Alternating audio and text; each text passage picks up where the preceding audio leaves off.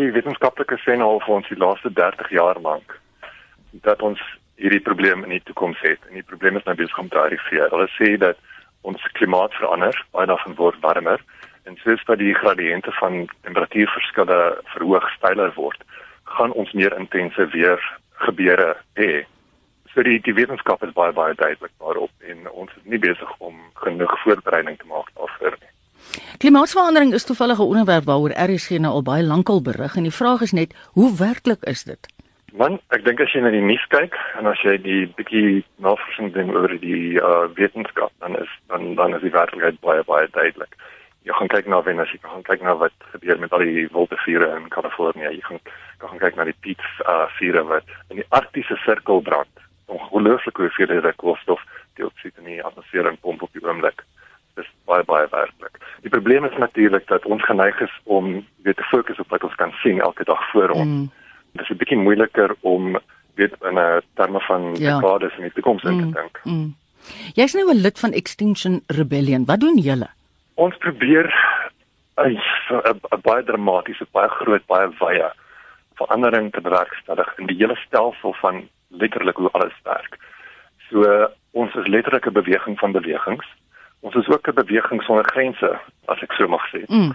Ons letterlik sê dat ons ons het 'n paar eise, ons het drie eise waarmee ons na die staat en regerings toe gaan. Maar meer belangrik as dit is ons gebaseer op 10 beginsels.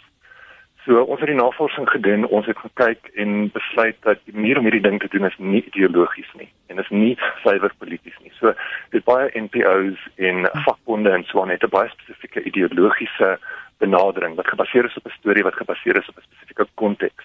Wat ons wil doen is ons wil al hierdie verskillende kontekste verbind. Ons wil brûe bou tussen mense in verskillende omstandighede, verskillende klasse, verskillende lewensraamwerke sodat ons almal saam kan staan en die beste kan doen wat ons moontlik kan doen. Julle is nogal 'n voorstander van ingrypende verandering in lewenstyl. Gee ons 'n voorbeeld wat ons kan doen. Ek is huiwerig om te sê om selfs hier voorbeelde te gee, want een van ons basiese benaderinge is dat ons nie vir mense wil sê wat om te doen nie. Dit want die oomblik as jy dit begin doen, dan begin dit weer ideologies te raak. O, okay. So dit ons is meer gefokus op beginsels soos dat ons nie gewelddadig wil wees nie want as ons kyk na wat in die wêreld gebeur, hoe meer kritiese situasie raak, hoe meer geneig is daar om 'n soort van knee-jerk reaction te wees. En as ons nie versigtig is nie, gaan ons opeindig in 'n situasie van 'n tipe van ekofasisme waar elkeen is besig om te baklei vir sy eie lot. Jy weet, as elkeen vir sy eie lot baklei, dan eventually baklei almal met almal en dis wat ons probeer vermy. Andre, ons het aanvanklik van Extinction Rebellion gehoor toe hulle met 'n veldtog van betogings in Londen begin het. Hoe het die organisasie in Suid-Afrika ontstaan? Extinction Rebellion publiseer ek self betrokke by die media and messaging uh, afdeling. Mm. En al die inligting oor Extinction Rebellion is baie oop. Ons is 'n uh, baie transparante organisasie. Dis sê dat mense wat omgee oor die situasie begin navorsing doen, kry hulle die inligting. En Extinction Rebellion sê letterlik enige een wat homself assosieer of vereenselwig met die beginsels kan sy eie groep van Extinction Rebellion begin. Ons operate met 'n wat ons noem 'n uh, selforganiserende stelsels waar mense groepe begin wat belangstel aan spesifieke areas en dan sal jy binne in so 'n groep miskien 'n kleiner groep hê wat die werkgroep of die beplanningsgroep is waar jy spesifieke rolle sal hê, maar elke groep kan binne in daai groep definieer wat die mandate is vir die verskillende rolle wat mense kan vul.